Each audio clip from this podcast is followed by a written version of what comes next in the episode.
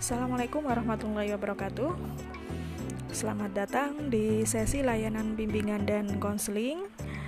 Oke, gimana kabarnya anak-anakku semuanya? Semoga di mana pun kalian berada ya, selalu dalam kondisi sehat walafiat. Amin ya robbal alamin. Dan terima kasih Tak lupa kami ucapkan kepada teman-teman atau anak-anakku semuanya yang sudah mengikuti dan menyimak layanan bimbingan konseling ini melalui media layanan podcast. Baiklah, kita akan mulai saja dalam pertemuan kali ini. Ibu akan membahas tentang orientasi karir ya. Orientasi karir setelah lulus dari Alia mau ke mana. Nah, ada beberapa pilihan siswa-siswi yang sudah duduk di kelas 12 utamanya ya e, setelah duduk di kelas 12 orientasinya dalam memikirkan setelah lulus e, mau ke mana ya. Nah, ada beberapa pilihan. Yang pertama yaitu melanjutkan ke jenjang pendidikan yang lebih tinggi. Terus yang kedua itu memasukin e, kursus atau bimbel. Yang ketiga itu memasuki dunia kerja Lanjut yang terakhir adalah memasuki kehidupan rumah tangga. Nah, ini masih kita dalam catatan yang terakhir, oke okay ya? Nah, di sini akan saya terangkan satu persatu nanti pada setiap sesi dalam podcast ini. Yang pertama yaitu memasuki uh, pendidikan yang lebih tinggi, yaitu memasuki perguruan tinggi. Nah, langsung saja ya, sampai di sini ya langsung saja akan saya terangkan bahwa untuk masuk ke perguruan tinggi itu ada beberapa tahap ya kan? Terus ada juga beberapa pilihan. Yang pertama yang mungkin akan kalian pahami itu adalah masuk ke perguruan tinggi negeri. Nah ya bisa. Ada pilihannya. Pertama yaitu masuk ke perguruan tinggi negeri. Yang kedua masuk ke perguruan tinggi kedinasan di bawah kementerian yang ketiga, masuk ke perguruan uh, tinggi uh, swasta PTS ya. Yang keempat yaitu masuk politeknik negeri. Yang kelima itu program-program vokasi ya. Dan yang terakhir adalah program-program diploma. Itu sama sih sebenarnya vokasi sama diploma. Oke, kita akan membahas tentang satu dulu ya, yaitu perguruan tinggi kedinasan di bawah kementerian eh, di bawah wewenang kementerian. Nah, yang pertama yang tak asing mungkin kalian sudah pernah mendengarkan eh, Kementerian Dalam Negeri itu mempunyai sekolah tinggi atau perguruan tinggi yang disebut Institut Pemerintahan Dalam Negeri (IPDN). Nah, dulu disebutnya STPDN ya. Nah, di sini Institut Dalam Negeri itu juga mempunyai IIP, Institut Ilmu Pemerintahan. Kalau dulu itu digabung antara STPD, eh, kalau dulu dipisah antara STPDN dan IIP. Nah, sekarang Kementerian Dalam Negeri itu mempunyai perguruan tinggi negeri mempunyai perguruan tinggi kedinasan itu gabungan antara STBDN dan IIP itu disebut namanya Institut Pemerintahan Dalam Negeri IPDN ya. E, tentunya nggak asing ya bagi kalian yang sering mendengar eh, kata-kata e, ini Institut Pemerintahan Dalam Negeri yang ada di Jati Nangor. Untuk menembus ke sana bagaimana? Nah untuk menembus ke sana uh, ada beberapa seleksi tes yaitu setiap-tiap daerah itu bisa mengirimkan putra daerahnya yang mempunyai prestasi pertama akademiknya bagus ya kan? Yang kedua dia lolos tes administrasi yaitu berupa uh, nilai rapor dan kelengkapan administrasi keseluruhan. Yang berikutnya itu seleksi tulis dia akan lolos seleksi tulis seleksi potensi akademik Nah, setelah lolos tersebut, dia ada namanya tes fisiknya. Fisiknya lolos tidak. Kalau lolos ya nanti ada tes lagi. Nah, itu beberapa tahap. Tidak semuanya bisa memasukin ke IPDN ini. Ya kan? Karena jatah setiap daerah itu berbeda dan dia akan diambil dari sekian banyak yang unggul saja. Nah, untuk info yang lebih jelasnya, anak-anakku bisa semuanya update info di internet masuk ke IPDN pembukaan dan sebagainya itu biasanya sekarang sudah memu, uh, sudah mulai terbuka info-info tentang hal tersebut Baik, lanjut ya. Yang kedua, Kementerian Energi dan Sumber Daya Mineral. Nah, Kementerian Energi dan Sumber Daya Mineral ini mempunyai dua politeknik. Pertama, Politeknik Negeri Mineral Akamigas yang ada di Cepu, Blora, Jawa Tengah ya.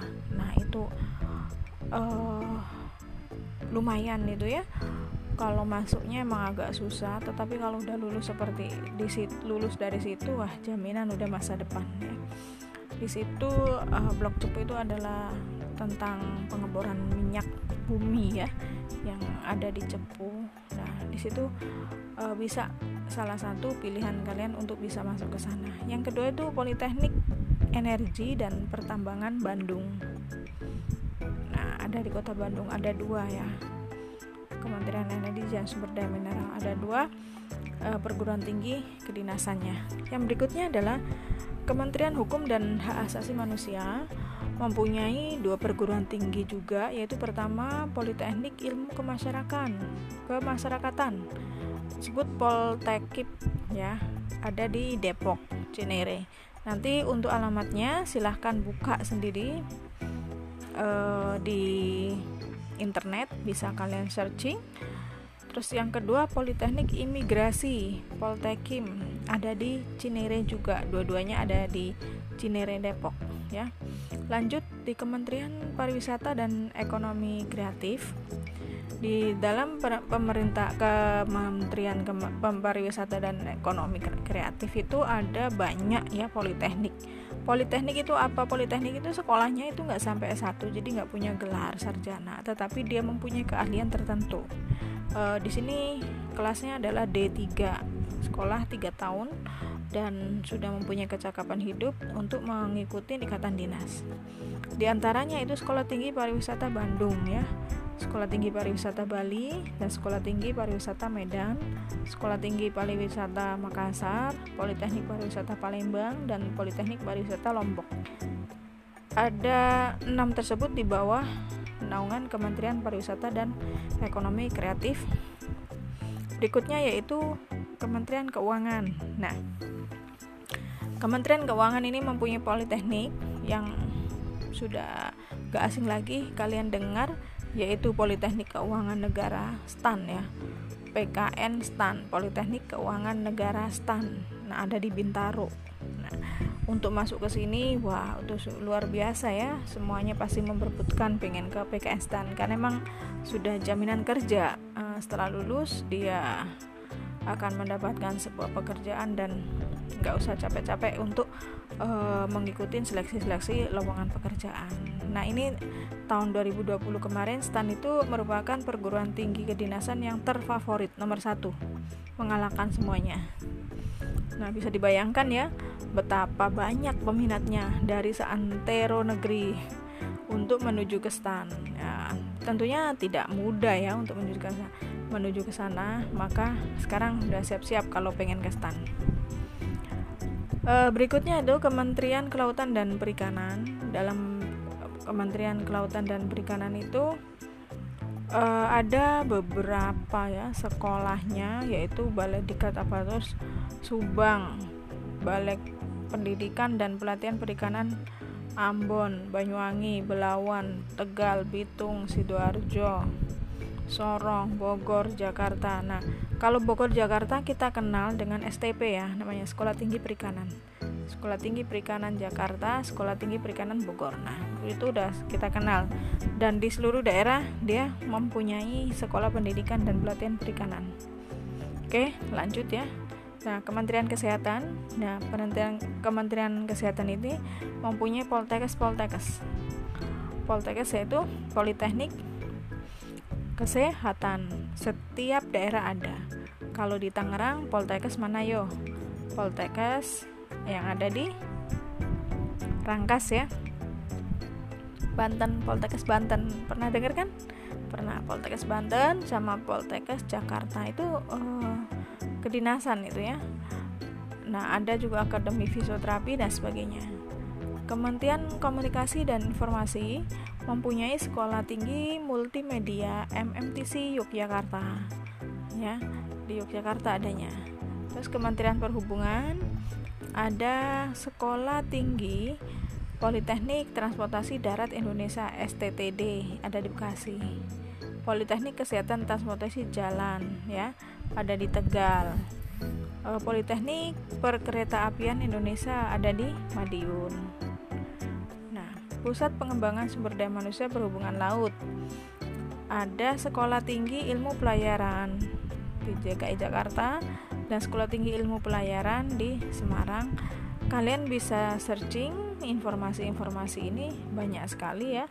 E, bisa di internet itu sekarang terbuka apalagi sekarang zamannya semuanya online. Jadi daftar online informasi online segalanya bisa online.